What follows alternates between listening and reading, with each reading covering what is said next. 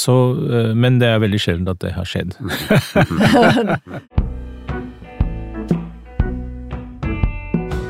Jeg føler veldig at en sånn impostprinsipp, liksom at, at man later som at man er sjef, ikke sant. Jan Vardøen har altså følelsen av å late som om han er sjef. Han har attpåtil et anstrengt forhold til autoriteter. Han har vært anarkist og husokkupant. Robert Mood er en merittert yrkesmilitær. Han er tidligere hærsjef, har vært sjef for FNs observatørkorps i Midtøsten og for FNs observatørstyrke i Syria. Høsten 2020 var han ferdig med tre år som Røde Kors-president. To ledere med vidt forskjellig bakgrunn der, altså.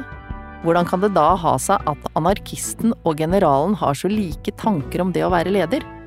Hvorfor mener Robert at anarkisme i militæret er så bra? Og hvorfor angrer de begge veldig på noe de gjorde for mange tiår tilbake?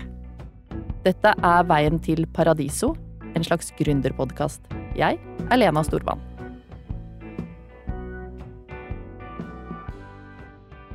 Du liker jo ikke å kalle deg sjef i det hele tatt, Jan. Nei, jeg, jeg skvetter hver gang jeg blir tiltalt som sjef eller ja, boss og sånn. Eh, Det sitter fortsatt litt langt inne. Men eh, en dag så må man bli voksen og akseptere at man har et ansvar. Men eh, vi skal snakke mye om hvordan denne reisen har vært for dere begge. For der eh, du har vært tilhenger av flat struktur, så har jo du hatt et, eh, gått rett inn i en eh, struktur hvor eh, skal si, ansvaret var tydelig fra, helt fra start, Robert. Hvordan hadde det seg at du begynte i militæret i det hele tatt? ja, det var ganske ganske tilfeldig. Jeg vokste opp med båtbygging og småviltjakt og friluftsliv i nedre Telemark. Eh, Men på den tida da, så var det sånn at du skulle gjøre noe mer ut av førstegangstjenesten enn bare å gjennomføre, så da sendte gamlekarene meg egentlig De motiverte meg iallfall til å søke på, på befalsskolen på Heistadmoen, og det var jo enda mer eh, friluftprega på mange måter, da, i mitt hode. Jeg syns ikke det var så veldig vanskelig ellers. Og så dro jeg nordover, og så tok det ene året det andre. Jeg har aldri hatt en plan om noen ting. Jeg skulle bli kokk, eh, Jan. Det, var, det drømte jeg om da jeg var ung. Det er ikke for seint. Nei, det er aldri for seint, nei. Jeg skulle bli kokk, og så, ten, og så tenkte jeg også på et øyeblikk at var, jeg kunne jo begynne ta en utdannelse hvor du fikk lønn under utdanning, så jeg vurderte Politiskolen. Det forkasta jeg ganske raskt, egentlig. Så det sto mellom kokk og det å gjennomføre militærtjenesten. det jeg da etter hvert fikk lov å gjøre i Nord-Norge, det var rett og slett bare så artig at det gikk fra det ene til det andre, og så var det lyst til å reise ut i verden, og så havna jeg i Libanon, og så åpna det noen andre dører, og så bare blei veien til etter hvert. Men hvorfor hadde du lyst til å bli kokk? Fordi at jeg var glad i å lage mat. Jeg var glad i husstelleren vår på, på skolen, og syntes det var kjempespennende å ta det jeg opplevde da, som levende ingredienser, og prøve å lage noe ut av det som var godt å spise, og som selvfølgelig altså, I den alderen der så syns jeg det er kjempegøy at du kan komme hjem med noe til mor eller far og vise fram at oi, ikke sant, og de sier at det er godt, selv om det kanskje ikke er så veldig vellykka, iallfall ikke til å begynne med, ikke sant. Så det syns jeg var en veldig spennende prosess. Men så ble det altså militæret, og det, som du sier, det med tilfeldighetenes eh, ferd, da, det er jo noe du kan eh, kjenne deg eh, svært godt igjen i, Jan. Hva slags plan hadde du? Jeg har egentlig aldri hatt noen plan. Jeg begynte voksenliv som 16-åring, eh, egentlig. Og så hadde jeg store drøm om å- bli musiker, så jeg har jo blitt musiker, men jeg har driftet, drivet inn og ut av eh, restaurantbransjen som kokk og servitør og bartender, gjort alle jobbene innenfor restaurant. Nå driver jeg og bygger restauranter og har skrevet noen bøker, liksom som mm, Gjort veldig mye forskjellig, men absolutt uten noe som helst plan. Så, Men der går jo Johan Der går jo du rett inn i en sånn eh, hva skal vi si, lederfilosofisk tradisjon, da, som vi også fikk høre om eh, i Når man utvida horisonten i det, det tidligere yrket jeg hadde, det, det var at eh, hvis du har en plan, så kommer du aldri til å bli en god leder. For da vil du alltid leve, leve i din neste jobb. Altså du vil være på vei til noe du håper at du skal bli. Mens hemmeligheten handler om å, å se menneskene og se teamet og gjøre en best mulig jobb der hvor du er nå. Og så da selvfølgelig være i stand til å gripe muligheter eller snu deg rundt. da. Og Det er jo egentlig det du beskriver at du har gjort, delvis sånn som jeg sier det. Jeg oppfatter det som en veldig sånn darwinistisk prosess. Hvis man, man, prøver og feiler, og så fortsetter spor som funker eh, i, sånn sammen med en sånn veldig nysgjerrighet, sånn at man skal prøve veldig mye forskjellig.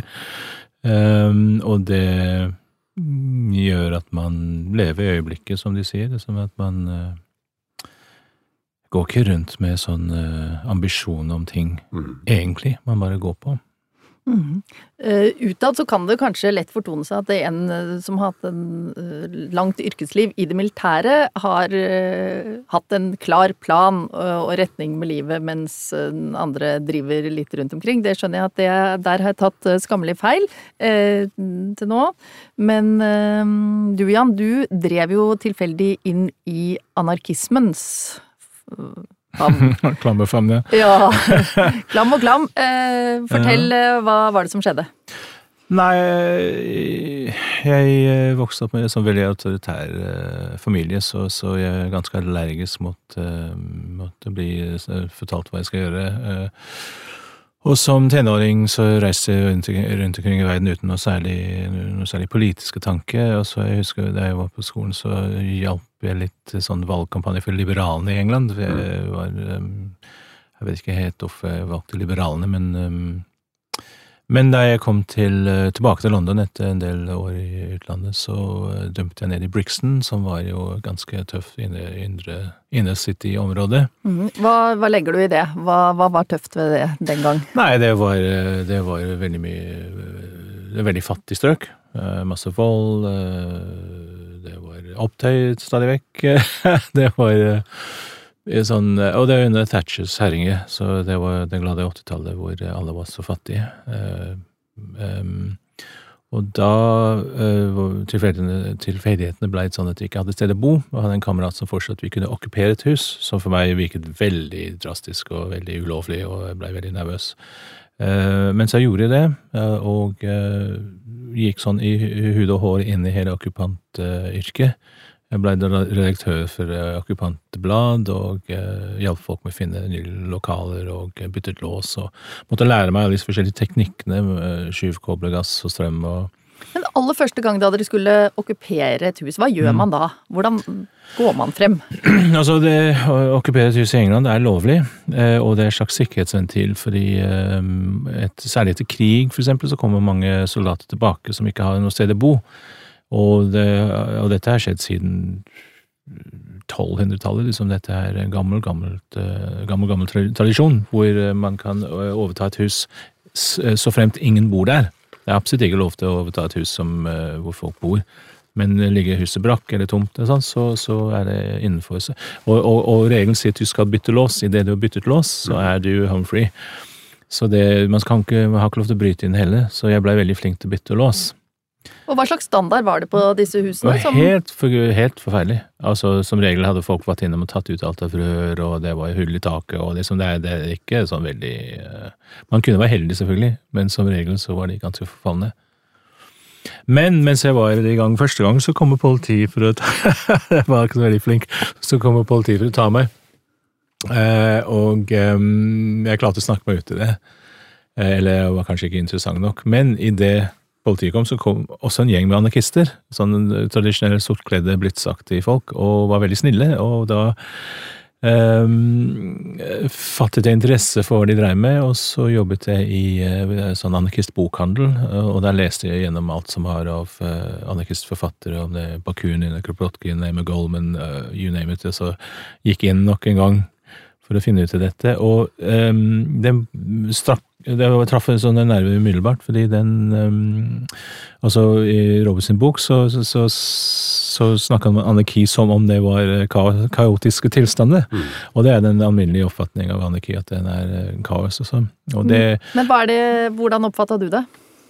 Jeg er veldig glad i organisasjon og ting som organisert, og jeg også liker demokratiske prosesser. Og anarkisme på sitt sånn, eh, kanskje sitt beste, eh, si i Barcelona, Catalonia 1936 osv., så, videre, så var det eh, samfunn som var veldig tvers igjennom organisert, eh, veldig demokratisk, flat struktur, eh, solidarisk, human. Veldig mange gode ting. Når anarkisme fungerer på sitt beste, så, så er det etter mitt hjerte. Eh, så, eh, men det er veldig sjelden at det har skjedd. det er det. Ja, for, eh, ja, Hva har skjedd en plass? I Forsvaret. Ok. Forsvarets skarpeste avdelinger. Mm. For her, altså her, må du bli mythbuster, ikke sant? Fordi mm. Glem alt dere har sett på Ja, nå ser ikke dere på sånt, sikkert ser på andre ting. Glemt alt dere har sett på Netflix og HBO og sånn så roboter som går rett fram og ikke tenker og har lyst til å drepe alt det der. Glem alt det. Og så tar du det samme laget som du beskriver i din bok på kjøkkenet. Mm. Som utfyller hverandre, som er gode på forskjellige ting, som har forskjellige smaker, og så har du deg inni der. Og så tar du og tar kokkeredskapene bort fra de, og så gir du de våpen isteden. Så har du akkurat det samme laget. Mm. Strukturen i de i våre skarpeste avdelinger som fungerer, det er den flateste strukturen jeg har vært borti noe sted i de organisasjonene hvor jeg har jobba. Og det er fordi at her snakker vi om noen tidløse sannheter, mm. og du blir avkledd rått. Sant? Hvis du kommer inn til en sånn gjeng som det der, som skal ut da og altså i verste fall ofre livet, kanskje ta liv, som er minst like ille, og de skal løse vanvittig vanskelige oppdrag. Og Der blir du avkledd hvis du kommer og sier her er jeg sjef, dere skal gjøre som jeg sier. Mm. Så du må tørre å gå inn i helt flat struktur, la deg bli utfordra, la teamet spille, og heller være den som er litt sånn eh, ja, I mangel av et bedre ord, litt, litt, litt, dirigent, da, litt sånn som lokker fram styrker og svakheter. Mm, nei, det, det er um, Jeg kjenner meg jeg er veldig enig, uh, og jeg har slitt veldig med den uh, kapteinens rolle ideal. liksom, eh, Hva er en kaptein? Min bestefar var kaptein på mm. tankskip, og hans far og hans far og sånn, så, så, det ligger litt i familien, men jeg har alltid følt et sånt stikk av, av uh, skuffelse at jeg ikke selv har gått gradene eh, i, i, i marinen, eksempel. Mm. Eh, og jeg føler veldig at en sånn impostprinsipp, liksom at, at, man later som mm. at man er sjef, ikke sant. Så, så mm, på, på, den ene siden så vil jeg ikke være en diktatorisk sjef eller fortelle folk, jeg prøver å være så snill og grei som mulig og motivere folk til å gjøre det som er det beste. Men innimellom så har jeg etter hvert forstått at man må være tydelig. Mm. Eh, og veien dit er ikke så enkelt. Liksom. Nei, for det har tatt deg tid, men sånn som vi sa innledningsvis, Robert, så eh, i militæret så er jo strukturen og hierarkiet gitt, og hva, hvilken betydning tror du det har for eh, din utvikling som leder? At du går inn i et allerede etablert system? Det, du kan ta flere innfallsvinkler til det, men det første og det viktigste for meg er kanskje at uh, hvis man tror at Forsvaret er fly, fartøy, kjøretøy, våpen, struktur, kommando, da forstår du ikke organisasjonen. Forsvaret er, som de aller, aller fleste organisasjoner i mitt hode, lag satt sammen av mennesker med sine egenskaper og tilbøyeligheter og styrker og svakheter. Og um, i et sånt I et sånt bilde, da må du hanke meg inn igjen. Hva, hva var slutten på spørsmålet ditt? Det, eh, hvordan får du det mm, Altså hvor mye måtte, gratis da får man ja, ved at du er, eh, kommer rett inn i et system som, hvor strukturen ja. er tydelig? Egentlig det jeg spør om. Det ene utgangspunktet for en sånn, eh, for en sånn tankegang er også at her, her, snakker vi om mennesker med sine mm. tilbøyeligheter, styrker og svakheter. Og da er det Det er um, en riktigere måte å forstå um, den hierarkiske strukturen og ikke minst uniformeringen på den måten at du får fram menneskene tydeligere enn der hvor alle går i forskjellige klær, eller der hvor, eh, der hvor det ikke er noen struktur. Altså, det skaper en slags det skaper en slags trygg, trygghet. Det er ingen forskjell på deg og meg, for eksempel. Vi er ganske forskjellige her vi sitter nå, ikke sant? Ja, og enda mer forskjellige hvis vi stæsjer oss opp litt, ikke sant? Veldig, Ja. i høyeste Mhm, grad. Ikke sant? Ja. Mhm. Men når du og jeg tar på oss nøyaktig samme uniformen, så er det bare menneske igjen. Mm. Og det er en måte å tilnærme seg dette, dette militæret på, da, som, som gjør menneske, lagspill, verdier, fellesskap til viktigere ingredienser, for dette andre er bare en sånn trygg ramme. Når du ser den trygge, det jeg kaller en trygg ramme, utafra, så er det klart det, det er veldig lett å forstå at det ser ut som eh, en rigid struktur og uniformer som skal gjøre at alle er like, tenker likt, og alle disse mytene som går. Men det er det er sikkert det i noen, noen organisasjoner og deler av Forsvaret, men når du kommer inn i de avdelingene som virkelig settes på prøve, og som er de som fungerer aller, aller best, så er det dette det handler om. Det gir bare den, den litt trygge ramma gjør at de menneskelige egenskapene settes i fokus i en flat struktur. Mhm. Og dette med uniformering, Jan, det har jo du opplevd eh, nettopp hvordan man Mhm. Rett og slett eh, til din overraskelse, kanskje? Fordi du forteller Fortell Gå- om det. Gå litt på akkord med meg selv, ja. Nei, Ja. Men um, jeg var øh, speider, og før det så var jeg Cub Scout, hva det nå heter på norsk? Altergutt? Nei, Nei. Så det var det først, første jeg Ja, ja, ja, sånn. Ja, Ja, sånn. Ved sånn Speideraspirant! Ja, kanskje det. Eh, og så speider, så, så da var det uniform, uniformering og, og masse, masse meiker og greier. Og også altergutt. Ja, altergutt har jeg vært, ja. Det syns jeg var liksom den sakrale med å stå Jeg er ikke eh, ateist på min hals blitt, eller aldri egentlig hatt noe tro, så eh, kan ikke si det opposisjonen. Men, men det å være i forkledningsrom i kirken og ta på, på, på drakta og knyte belte og liksom alle disse tingene, det er et eller annet uh, mystisk ved det uh, som er veldig fint, men det å kunne endre personligheten ved å ta på en drakt uh, er, um, er litt sånn omkledning, forkledningsøvelse.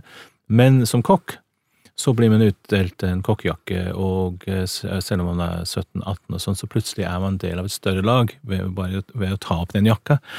Eh, Det liker jeg veldig godt, for ingen kan se om jeg har jobbet i fem minutter eller 50 år. Ikke sant? Mm. Det er um, en måte å gjemme seg på også. Mm. Uh, men, men utover det så syns jeg det når jeg er i en rolle, så er det viktig å kle seg deretter. Mm.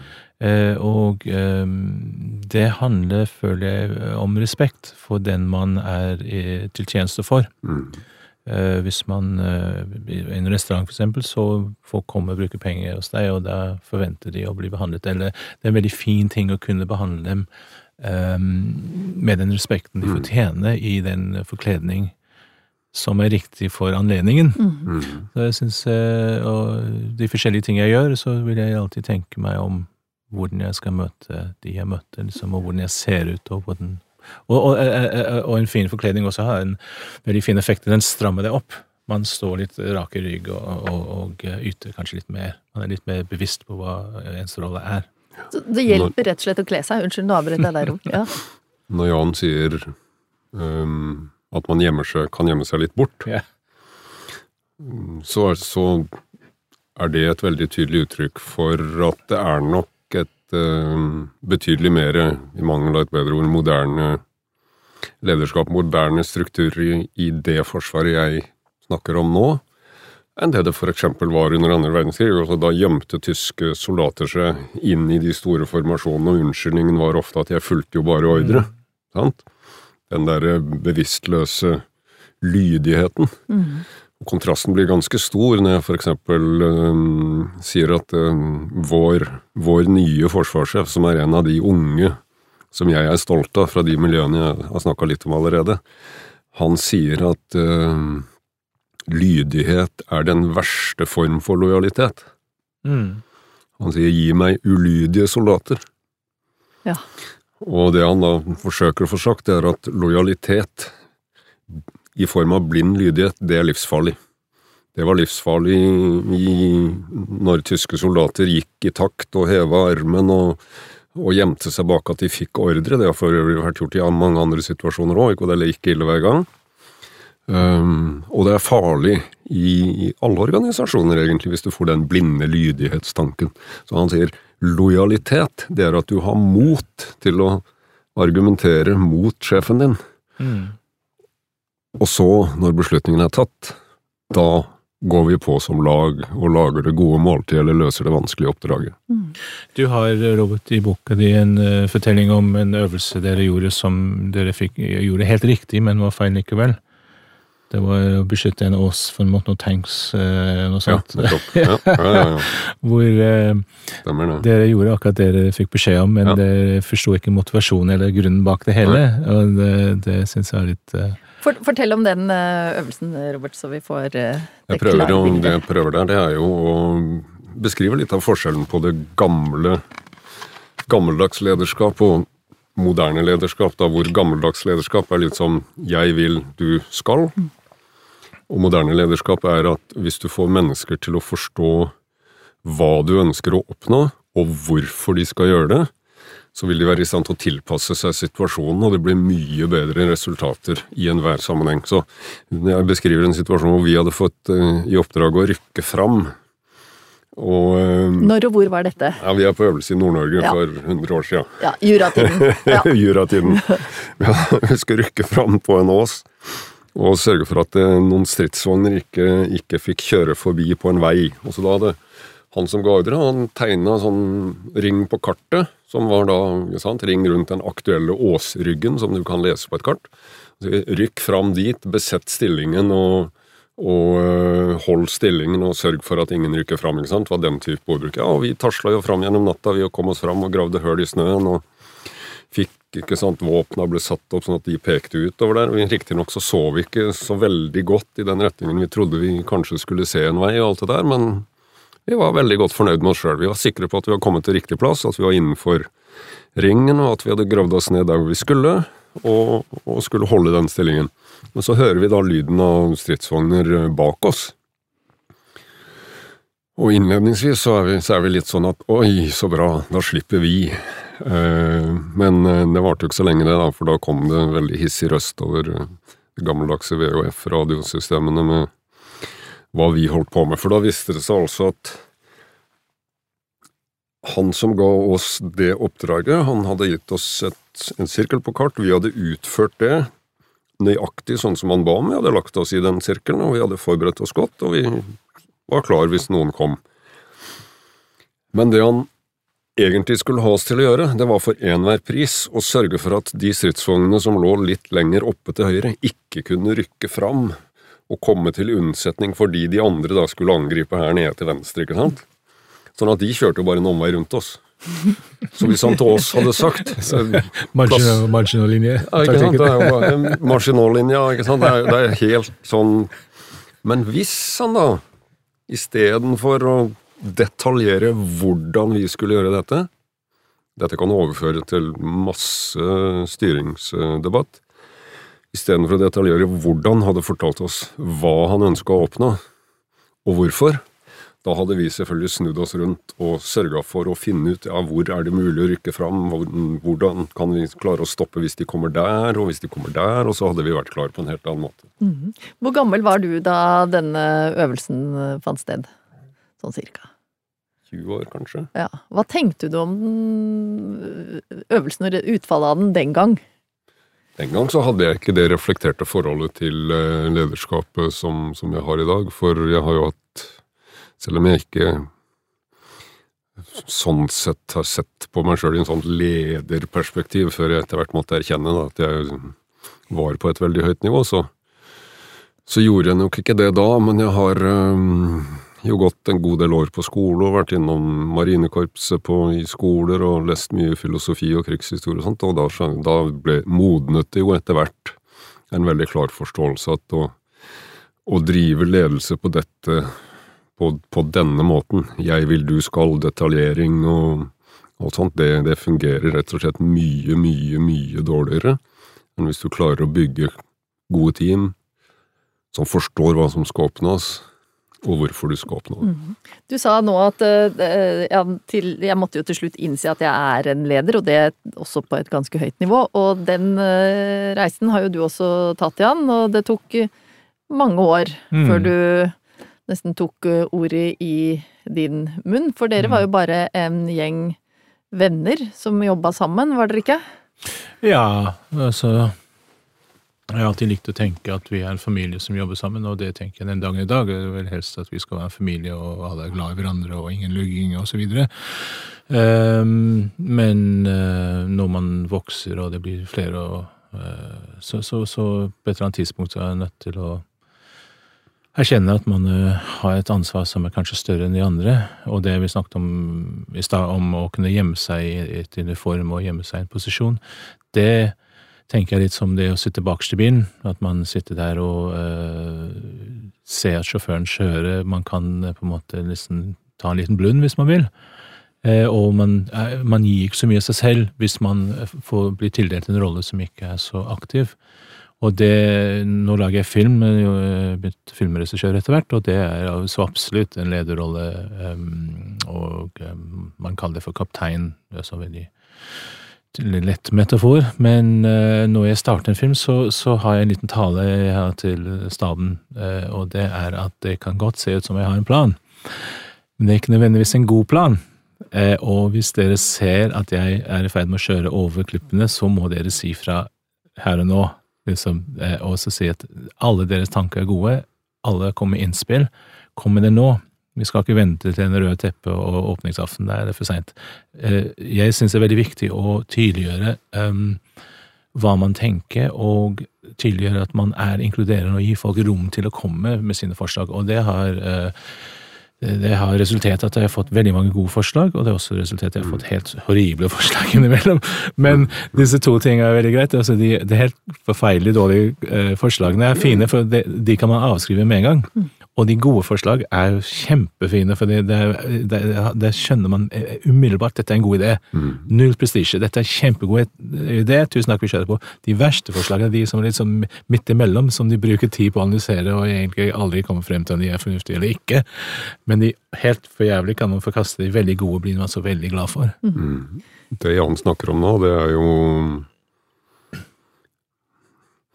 Det er jo også um, et argument for det jeg kaller tidløse elementer i godt lederskap, da. For det, det du beskriver nå, det er akkurat det samme gutta i våre gutter i Afghanistan gjør før de skal ut på vanskelige, krevende oppdrag langt bak fiendens linjer.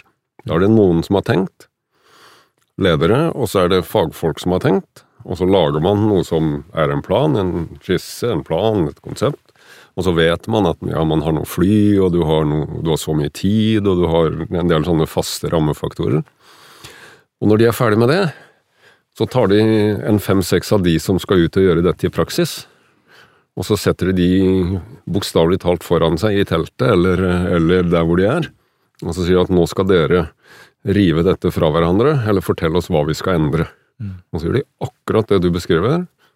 Um, de legger til noe, de trekker fra noe, de endrer litt. Og når den prosessen er over, så er du enda tryggere på at uh, dette blir bra. Mm. Altså, Hva kommer det av, tror dere, at det er så egentlig så mye likt når det tilsynelatende kan se så uh, forskjellig ut utafra, dette med lederskap? Ja, Nå er jeg jo egentlig en dårlig gjest for dere, da, for, for egentlig burde dere jo hatt en sånn en litt sånn ikke sant, uh, Den autoritære kontrasten til det, til det lederskapet som, som, Jan beskriver i boka si, som, som for meg blir Altså spot on, da. Mm. Uh, men det er vel uh, jeg, For å ta en annen innfallsvinkel, jeg bruker, har brukt en del tid på filosofene i det siste. Noen av de, da.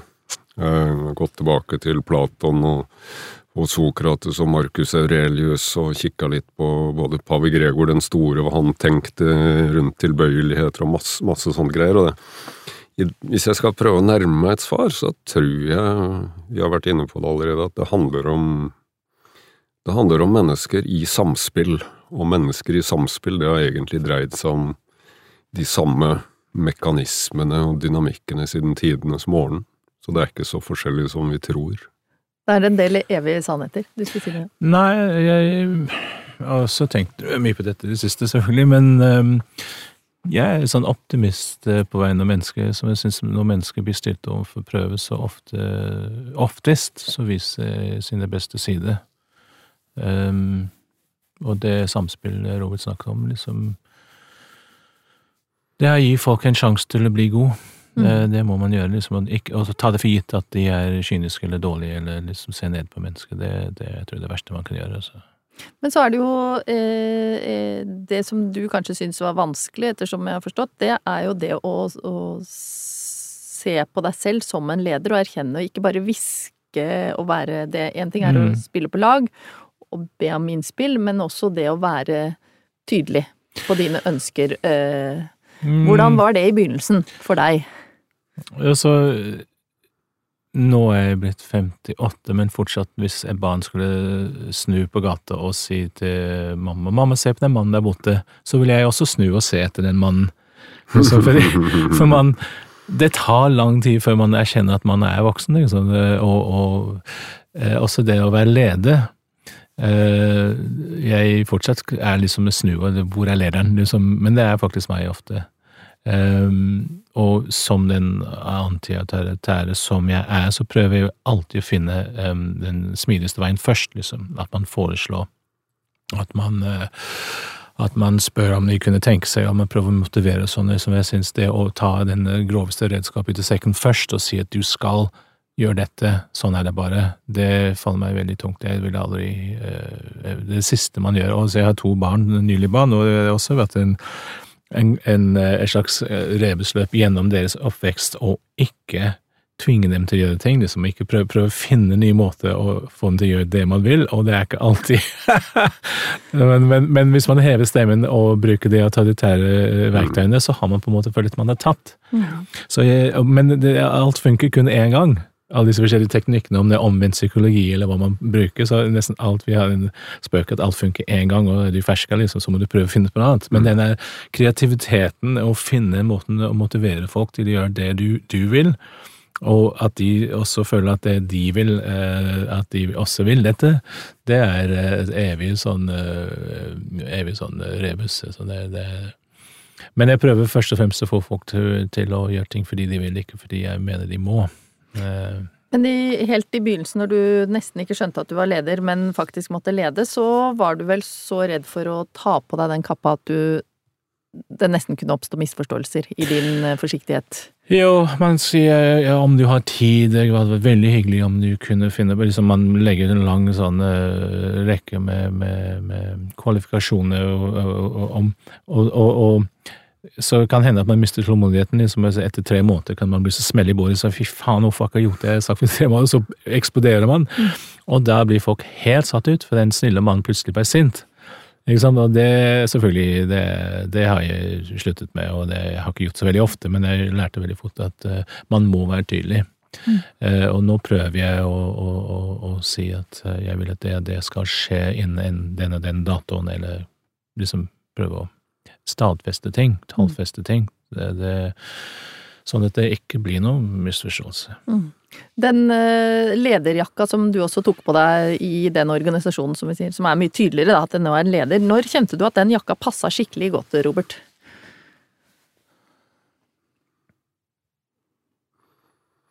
Nei, jeg har jo Jeg har jo trivdes hele veien, jeg, ja, da.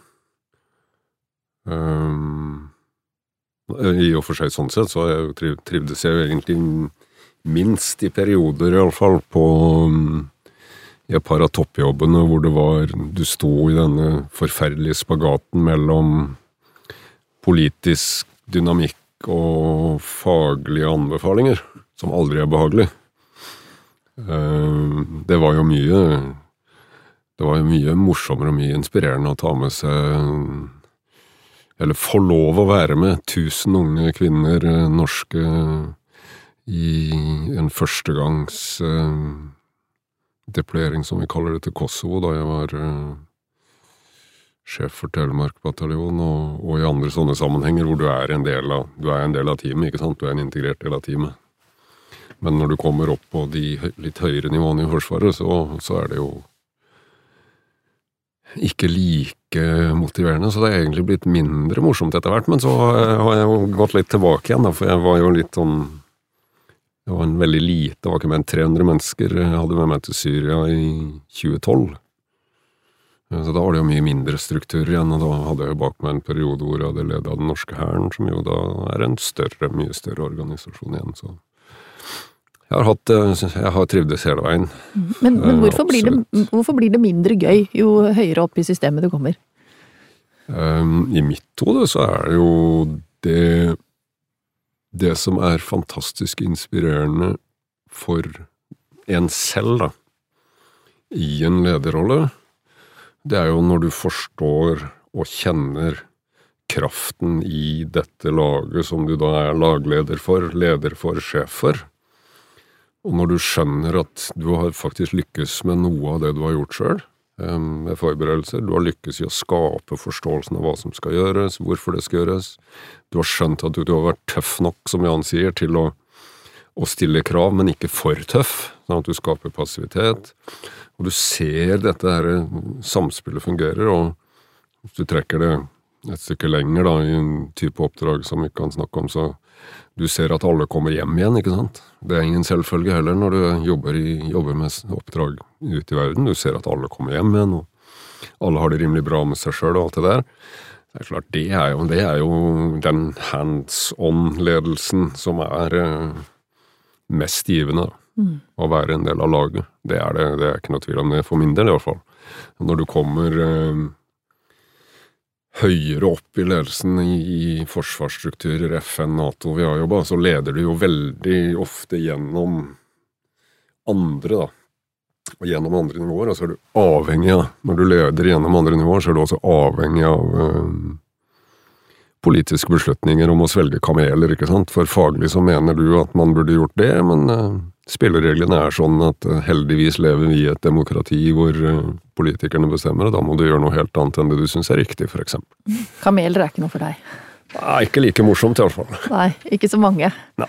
av dem. Det har du jo vært tydelig mm, på selv. Hva tenker du om eh, det Robert eh, sier her? Å komme høyere eh, Litt eh, ikke så gøy eh, jo høyere opp du kommer. Ja, jeg kjenner meg veldig godt igjen i kanskje mindre målestokk, Ja. eh, vel å merke, men, eh, men eh, det er ingenting som er fullt så morsomt å stå i en restaurant, en stor restaurant hvor det er fullt hus, det er kokke, det er servitører, det er gjester, det er oppvaskere, det er bartendere, det er Alt klikker liksom, og alt går på skinner, og man står på det toppen det hele, eller midt oppi det hele, kall det hva du vil, og har svar på alt, og det altså, det å drive en, drive en restaurant, for eksempel, er litt, litt som å være sirkusmester. Uh, alt er for publikum, liksom. Det, det kan godt stå uh, og brenne på kjøkkenet. liksom, alt kan det godt det hele til bak scenen, men det er foran scenen som er viktig.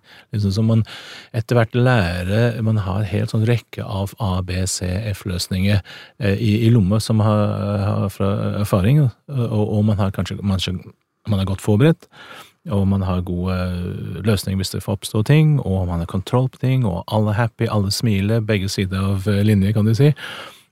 Ingenting bedre enn det. Man føler at man mestrer noe. Den følelsen er ubetalelig. Det er helt fantastisk.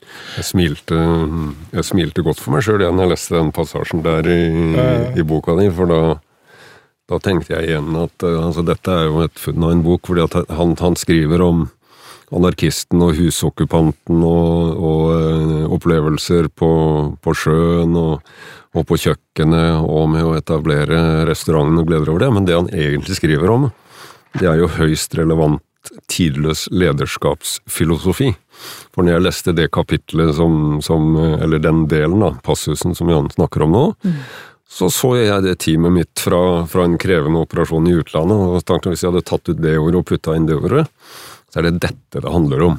Sånn som du sa, hadde man brukt søk og erstatt-funksjonen i manuset, så kunne det vært eh, nærmest eh, skummelt like bøker. Men, ja, eh, tidløs, tidløs lederskapsfilosofi.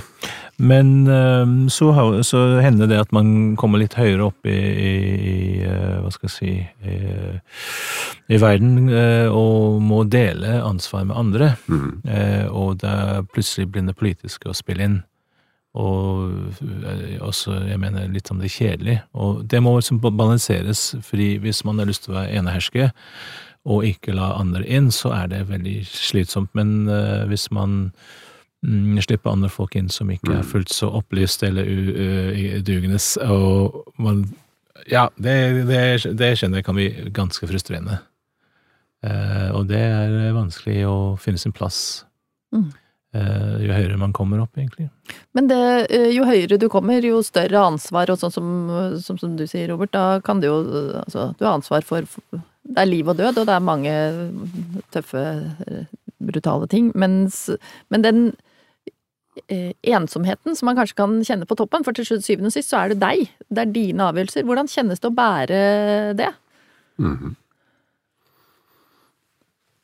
Da, da er vi inne i noe av det jeg jobber med, da, når jeg ikke holder på med i, i Røde Kors. Dette le, lederstøtte, om du vil, da. Mm. Altså det at det å være toppleder, og det, det begynner ganske tidlig, egentlig, altså, for du må være bevisst på at eh, etter hvert som du blir bevisst på, må være bevisst på at det er du som er lederen, så er det når det går eh, ordentlig hardt for seg og begynner å knirke litt, så er det deg de snur seg og ser på, og da kan ikke du se deg, snu deg og se på noen andre, ikke sant? Um, så den um, Den biten med, med at altså, når du Det er veldig, veldig gøy, og, og, det er ekstra gøy å være leder når du er hands on en del av det teamet, og så når, så når du et sånn midtveis i livet, rundt sånn 50-60 år eller noe sånt, kanskje, så, så uh, har man iallfall oppdaga at du Det holder ikke å være best, først, flinkest, ha kontroll på alt, ikke sant, men du leder hele tida konsekvent gjennom andre. Du må slippe andre til. Mm. Uh, du må skape en arena. Uh, du må tørre å gjøre det.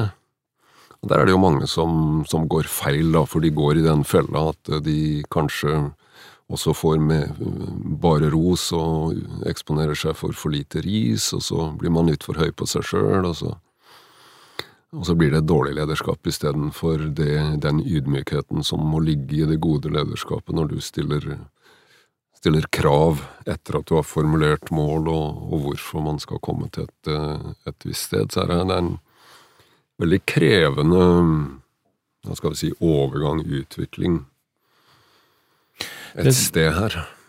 Det som jeg er så veldig opptatt av kapteinsrollen, at um, jeg er fortsatt ikke kommet til et sted hvor jeg er en toppleder. og sånn. Jeg føler at jeg er fortsatt en slags mellomleder. Mm. Uh, men likevel, som kaptein, og det jeg tenker en god kaptein uh, besitter, er at de kan alle rollene til besetningen. Og så jeg har gått gradene, så jeg kan mer eller mindre alt av mm. jobbene til de som jeg jobber sammen med, og det gjør det veldig greit å gå inn og snakke med folk og si sånn skal det være. Så, så man kan ha den, den, den noenlunde flat struktur fortsatt på plass, for man kan snakke på lik linje med folk. Um, men jeg lærte en sånn veldig morsom knep uh, etter å ha lest Master and Commander, uh, veldig mm. glad i disse uh, romanene. Og det er en scene hvor kapteinen står på brua og snakker med sin, sin venn Michael om helt uvesentlige ting, mens skipet drive mot noen klippe med 300, 300 mann om bord. Eh, og styrmannen liksom går og venter på en ordre, og det kommer jo aldri, for han snakker om helt uvesentlige ting, og så til slutt så må man gripe inn og si kaptein, og så sier kapteinen ja, 280 grader, bare kaste ut en eller annen ordre, og så går han tilbake og så sier til Michael at um, Poenget nå var ikke at jeg hadde riktig svar, men at jeg hadde et svar. Mm. Og det for meg var uh, ganske uh, verden, uh, verdens Det beveget meg veldig, fordi at um, man må ikke ha 100% kontroll til hver tid. Mm. det svaret han ga, var i nærheten av å være riktig. Mm. det var ikke så riktig, men hans erfaring og ro gjør at han kunne gi, slenge ut en ordre og være trygg på at det var nokså riktig. Mm. Og det har jeg brukt flytt i siden at uh, når folk kommer med spørsmål, så kommer et svar nokså umiddelbart. Uh, og hvis jeg ikke har tid til å gå helt inne, så gir jeg et svar som jeg vet er i nærheten, som ikke kommer til å gjøre skade, i hvert fall. Mm. Hvordan trodde du det måtte være før dette her? 100 riktig. Mm. Ja, hvorfor ja. det? Nei, for man er, man er stilt til ansvar. Som det er så mange konsekvenser av ikke ha det rette svaret. Men når man, som Robert sier, eh, begynner å kjenne at eh, ingen er ufeilbare, og alle er egentlig i bunn og grunn ganske nervøse inni seg, når man vet dette, så blir livet så fryktelig mye lettere. Mm. Vi kan ikke være perfekte til hver tid, så vi kan bare være så bra som vi kan være. Jeg tror den lederskolen Jan beskriver i, i kjøkken- og restaurantscenen, for vi var innom i stad, hvor du, du, du beskriver at du står og ser at alt klikker på plass, alt stemmer. Det er den kvelden hvor alt er 110% på. Det er en sjelden, sjelden gang. Og så er det alle de gangene hvor det isteden er, er sånn balansering på veldig, veldig, veldig veldig tynn is og, og kaos og noe som går galt. av det. Mm. Altså, det å komme derifra til å drive ledelse, det tror jeg er en utrolig god skole. Mm. Når du erkjenner at det handler altså leder, leder, Å glede seg over ledelse handler i bunn og grunn også om å trives med usikkerhet, om å trives med dynamikk, om å trives med å være få litt adrenalinkick og være så påskrudd at du alltid leter etter muligheten. Å, hva gjør vi nå, når den sveiser, da? Mm. Et eller annet sånt. Mm. Jeg er ikke kokk, men det er det beste jeg kan komme på. At et, mm. et eller annet går galt på kjøkkenet. da, ikke sant? Du kunne jo blitt kokk, så du skjønner jo dette. Og så sitter det noen der som, som eh, allerede begynner å bli utålmodig, liksom. Hvordan skal vi løse dette problemet? Så det å være trives med den usikkerheten, den dynamikken, det, det energipåfyllet, og så den intense gleden som kommer av at, uh, av at du lykkes, det tror jeg er en fantastisk god, uh, god lederskole som egentlig er synd at ikke flere blir eksponert for. Og så er det ett poeng til, da, som kommer til etter hvert, og det er at uh, mange synes det er vanskelig, da, om å tenke grundig igjennom og kanskje diskutere med andre også. hva betyr det å bære lederansvaret? Når du, når du, kommer dit, at du erkjenner ikke sant, at du bærer lederansvaret. Mm. For da må man jo gjennom litt ekstra modning, da, som, som kan være vanskelig, så fordi at uh, Da er det jo slik at dette, dette crewet ditt, da, de skal oppleve at du bærer ansvaret selv om det ikke er din skyld. Ja. Alltid. Mm -hmm. mm. Og det må man være villig til å ta på seg. Og det må du være villig til å ta på deg. Mm -hmm. Og så må du leve etter prinsippet at det er eh, det er teamets fortjeneste når alt dette klikker og, og alt fungerer. Eh, og så er det min feil som sjef hvis vi ikke får det til. Ja, hvordan kommer man dit? Jeg tror det er en veldig god start, den eh, kaosbeskrivelsen på, på, på, kjøkkenet til Jan i alle fall, og, og trives med usikkerhet og Nei, men det handler jo litt om den sulten Altså Uansett hva man, hvordan man har drifta inn i lederroller, eller søkt lederroller, eh, eller drømt om lederroller og blitt det, så, så er det jo en sult om å skape noe, da. Før eller siden så erkjenner du jo at uh, skal du skape noe, så er du avhengig av andre mennesker, og de fungerer iallfall bare dårligere hvis du uh, legger skylda på de. Mm. Ja, jeg har så, sånn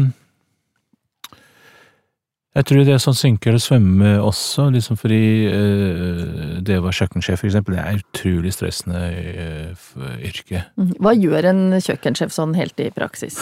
Uh, også den er jo Den har ansvar for alle kokkene, kjøkkensjef.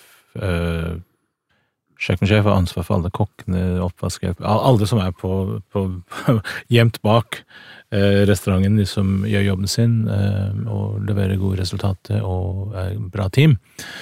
Um, og jeg, jeg var kanskje par og tjue første gang jeg gjorde det, og den koordineringsjobben er utrolig stressende, for man har jo prestasjonsangst, for man skal også levere til gjester og gode resultater osv. Så, videre. så det jo press fra alle mulige kanter. Og jeg gikk hjem og, og, hadde så veldig dårlig, bare drømte den verste vakten om igjen, om igjen, om igjen, og enda verre enn den vakten. Så man blir aldri uthvilt, egentlig. for det alt. Så, så, så, dro jeg fra bransjen og gjorde litt andre ting, og så kom tilbake. Men så uh, fikk jeg sånn eh, sjelsettende opplevelse som gjorde at jeg klarte å lære å takle det, det stresset. Og det er det at um, jeg jobber som bartender, og jeg ser at når man er i en travel bar, uh, og uh, man får ikke øyekontakt med den som står bak barn, er det fordi de er stresset. De tør ikke å løfte blikket, fordi de, hver gang de løfter blikket, så får de en ny kunde. ikke sant? Så det, og Hvis du går i en bar og ser bare til en stirrer på gulvet og liksom gjør ting uten å se opp, så kan du vedde på de er stresset som var det. Eh, og også litt tips, hvis du har lyst til å bli, eh, få en drink raskt, så er det øyekontakt det eneste som gjelder. Det gjelder alle, liksom. Øyekontakt. Eh, men så, så, en dag så tenkte jeg jeg jobbet et sted som bartender selv, som det var veldig veldig, veldig mange gjester. Utømmelig med gjester. Jeg tok aldri slutt. Eh, og seks dyp rundt bardisken. Så tenkte jeg, la, som en eksperiment, skal jeg løfte blikket og se alle i øynene og se hvor ille det kan bli. Hvor ille kan dette bli? Og det var faktisk ikke fullt så ille som jeg trodde. For vi hadde overblikk, og jeg fikk spørsmål som jeg kunne håndtere Og det, liksom det å på en måte rive plasteret, få, få greie på hva er vi ser på nå, Mm. hva, hva er situasjonen, og ha, et total overblikk, mye lettere enn å grue seg til alt man ikke vet Mm. som kommer. Og det gjorde at det å løfte blikket er gjort siden, eh, og er eh, fremoverlent til hver tid. Og det koster selvfølgelig, man blir sliten av det. Men det er jo mye mer behagelig å vite hva man går til, enn å ikke vite noen ting. Mm, Ikke Altså, ta kontrollen. Hva tenker du om det, Robert? Det er en scene i boka hvor uh, Jan står i baren, og så går plutselig baugen på båten 20 meter opp i lufta og, og lander igjen med et smell. Og sånn som jeg husker scenen, så ble det Det var en del knusing der. Ja, det var det. Ja. Men uh, du hadde sikkert. hengt deg bare rundt en stolpe, tror jeg, og klamra deg fast i den, så du var den mest oppegående, og så kan du da tilby nye drinker før de andre omtrent har fått kravla seg opp i stående fra, fra gulvet eller der de var, og det det på, hos meg, da, så, så trigger det sånn Den den tryggheten, den stoisismen, om du vil, altså litt Marcus Aurelius her eh, Mm. Det å stå i det, altså glede deg over det skjebnen kaster på deg, og ta det neste skrittet. eh, litt der. eh, og det er egenskaper som Det er ikke tilfeldig, for å si det slik, at Marcus Aurelius er en populær filosof blant de som har eh, soldatlivet som yrke. Du sa du hadde jo nå tatt opp og leser klassikerne på de store filosofene på nytt. Hva var det som fikk deg til å gå den veien nå igjen? Du har jo levd et liv med ledelse og Eh, Deler av det er jo at jeg jobber med, med lederstøtte, eh, sammen med blant annet Geir Lippestad og noen andre borte på Orator, og der, eh, der er vi jo på kontinuerlig leden etter eh, eh, det verdibaserte i ledelse, det tidløse, og skal du ha en fornuftig samtale med en leder eh, Det er det vi prøver å gjøre nå, ikke sant? Jan og, Jan og jeg er du. og så må du ha Du må være nysgjerrig på ledelse. Da. Så jeg tror et av de råda jeg fikk eh, i, i eh, USA, på Marinekorpsets universitet, fra en libanesisk professor om at uansett hva du gjør, så slutt aldri å lese. Mm. Slutt aldri å være nysgjerrig. Slutt aldri å lese. Eh, det er et av de beste råd jeg har fått noen gang. Eh, og så prøver jeg å følge det, da. Innimellom ja, sakspapirer og andre ting. livet. Det, det syns jeg det er veldig fornuftig råd. Altså jeg, jeg leste før i tiden, i hvert fall da jeg var yngre, så leste jeg kanskje opptil to bøker om dagen. Jeg er veldig uh, alt, uh, altoppslukende. Og det var nok en flukt den gangen. Eh, Men jeg merker de siste årene at vet, liksom, den tiden til å lese er, eh, er så dyrebar og så vanskelig å, å skaffe seg. Og så så går så mye tid til eh, ting på nettet. Jeg sluker alt på nettet og bruker altfor mye tid online. Men det er også slik at ting man leser på papir, sitter litt bedre enn ting man leser på, på nettet. På nettet så scroller man ned og leser første og siste paragraf, og så har man på en måte eh, lurer seg selv til å tro at man har forstått essensen eh, av det man har skumlest. Veldig farlig, altså. Så eh, det å lese Nå, nå leser jeg mange bøker igjen, og den gleden å kunne sette seg i en, en bok og, og, og bli transportert et helt annet sted, et helt annen stemning, en annen tid de der stående det, det miljøet som skildres, det er, det er nydelig, altså. Det, det anbefales. Men hvor mange bøker om ledelsesfilosofi har du lest, eh, Jan? Nesten ingen, kan jeg tenke meg. Altså, jeg har fått det i så overført betydning i så fall. Um, jeg har akkurat lest uh, boken om Pixar, om eh, hvordan det ble til, og det var en del interessante ting uh, å lese der. Og så lest veldig mange bøker om sjøen. Hornblower og Mm. alle disse Captain Commander-bøker og ja, alt som handler om skipet, er jeg veldig, veldig interessert i. Ja. Mm. Båtbygger, Jeg har selvfølgelig. nok, har nok ikke lest så mye ledelsesfilosofibøker, jeg heller. Det har nok gått mer på Biografier ble jeg glad i ganske tidlig, og fortsatt med, for det, det, er en, det er jo et element i ledelse vi kanskje ikke har vært inne på nå, dette at eh, når du er i en ledersituasjon, i en konkurransesituasjon, så sørg for å kjenne både de du konkurrerer mot, eller slåss mot, da, i et perspektiv. Know your enemy. Know your enemy. Mm -hmm. bruk, bruk tiden på personlighetene, ikke på alt det du ikke kan gjøre noe med allikevel. Eh, Så der er det elementer som er, eh, som er spennende. Hva er det mm, eh, dummeste man kan gjøre som leder? Å være diktatorisk, vil jeg sagt.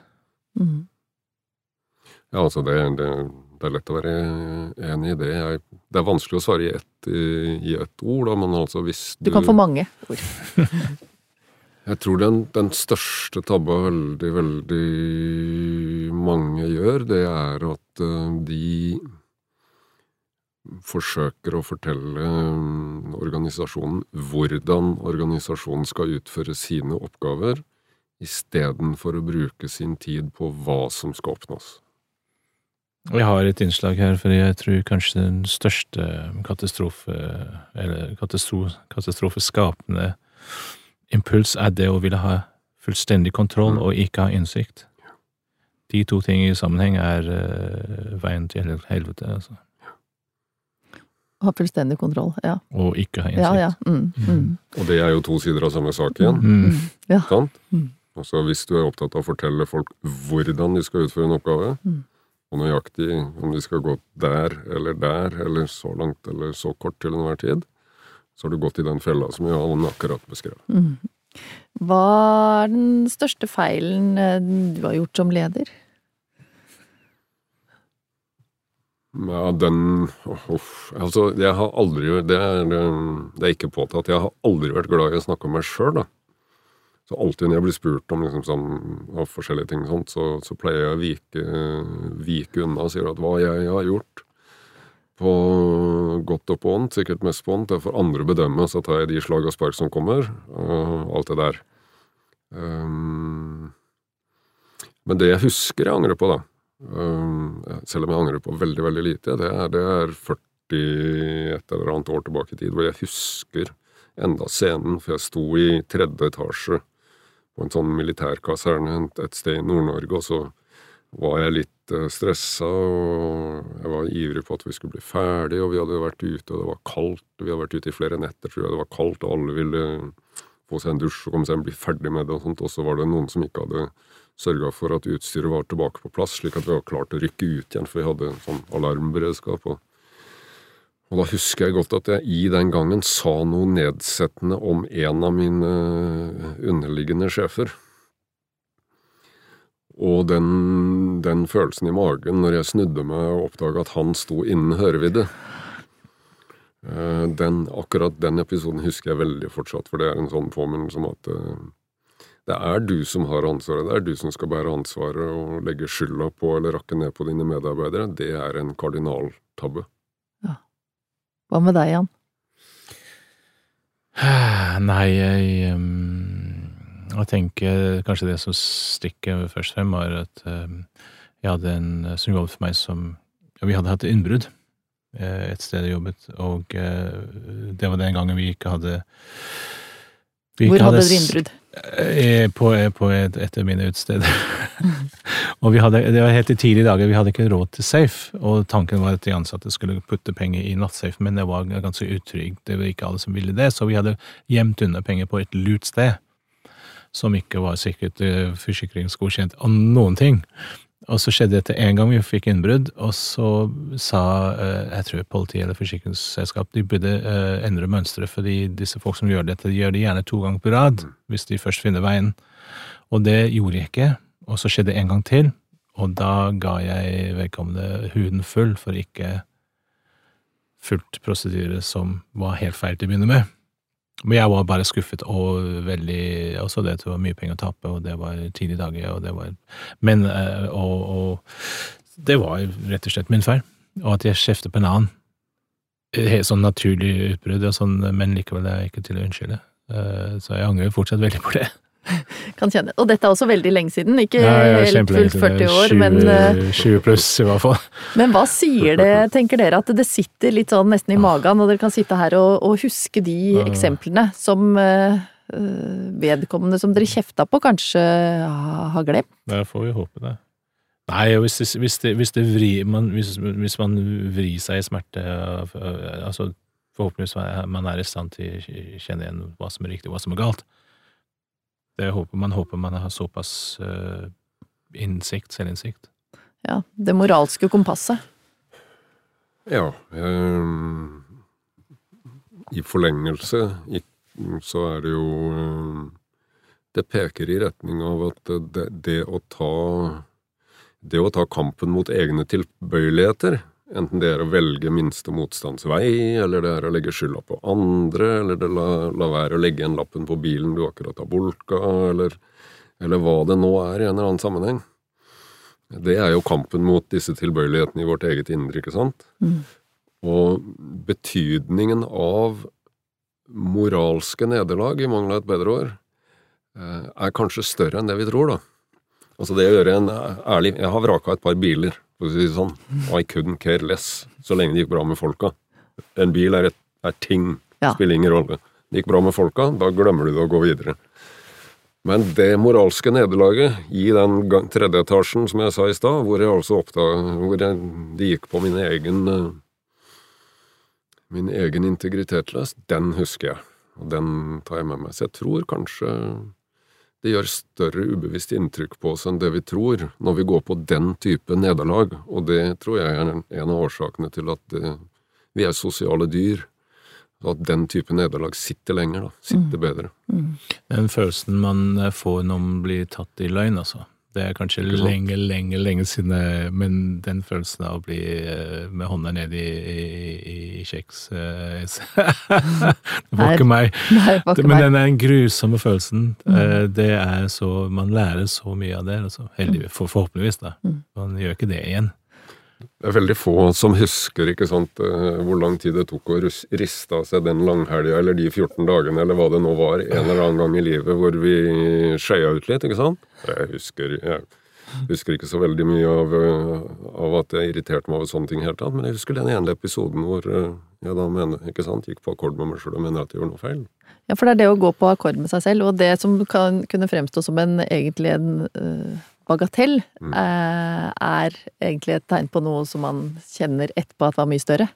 Og det forteller kanskje noe om betydningen av dette samspillet, da, dette fellesskapet fra restaurantkjøkkenet, det som gjør at jeg leser mye av det Jan skriver og forteller om som tidløse ledersannheter. Da. Ja. Da er vi inne i det rommet, og det er viktigere enn det materielle. Hvem skulle tro at dere var så like, eh, som, ja. men som du sier, det er noen helt eh, evige sannheter eh, her. Og vi begynte jo innledningsvis med at du har jo ikke likt egentlig å kalle deg sjøl sjef. Hva kaller, altså, sjef eller leder? Hva, hva er ordet som er eh, viktig for dere? Riktig. I dag er det for meg leder. Ja. Um, Jeg har jo jobba i mange, mange år hvor uh, sjef var helt naturlig, og det var Da er vi litt tilbake til at i militæret så uniformeringen i gode avdelinger gjør at det handler om mennesker Mhm. istedenfor det du har på deg, for å si det sånn. Og, så det, altså ordet sjef, det var jo bare ett av, et av veldig mange ord. Mhm. Så det var ikke så dramatisk, da. Som det helt sikkert eh, opplevdes hos, eh, hos eh, anarkisten Jan til å begynne med. Han som opplevde kaptein som mer dramatisk, mens jeg det jeg også ser med kaptein, det er at han er sistemann som går fra båten. Det er helt riktig. Han bærer ansvaret, Mm. ikke sant? Han er sistemann som forlater. Det er helt eh, riktig. Jeg, var så heldig å møte kjøkkenkokken Caluccio en gang. Eh, Disse grådige italienere. Han var på besøk i Oslo, og jeg viste han rundt. Og jeg sa til han eh, I'm a cook. Og han sa Yes, you're a cook, not a chef. That's a wonderful thing. Og det eh, Han var en nylig mann. eh, Min favorittkokk, eh, hvis jeg måtte dra frem noen. Men liksom det at du er kokk, ikke en kjøkkensjef. Det, det er en, en, en sånn finurlig differanse, men, men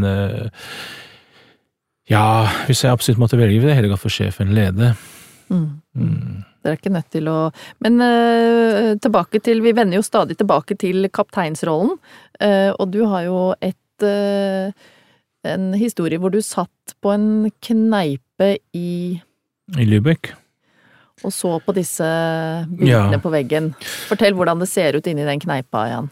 Nei, Lübeck er en gammel um, tysk havneby, hvor uh, det gikk veldig mye Hanse uh, Hanse uh, Trade, het for noe.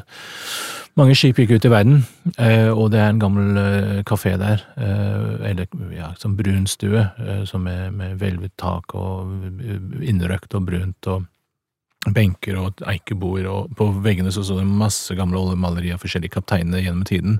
Så dette vattet er, jeg tror jeg, siden 1500-tallet, så det er jo super gammelt og fint. Og det sitter jeg og spiser eisbein og drikker en beie med en liten hvit snaps til, liksom, er alle kunstens regler aleine. Eh, og så begynner man å tenke, og så tenker vi disse kapteinene som eh, sitter på de bordene og venter på et kommando. liksom De skal ut i verden, de skal få en, et oppdrag, og så blir de tildelt som regel et skip, og så må de til Valparaiso eller Tiger Bay eller Sør-Afrika, hvor de skal, Galveston etc. De reiser.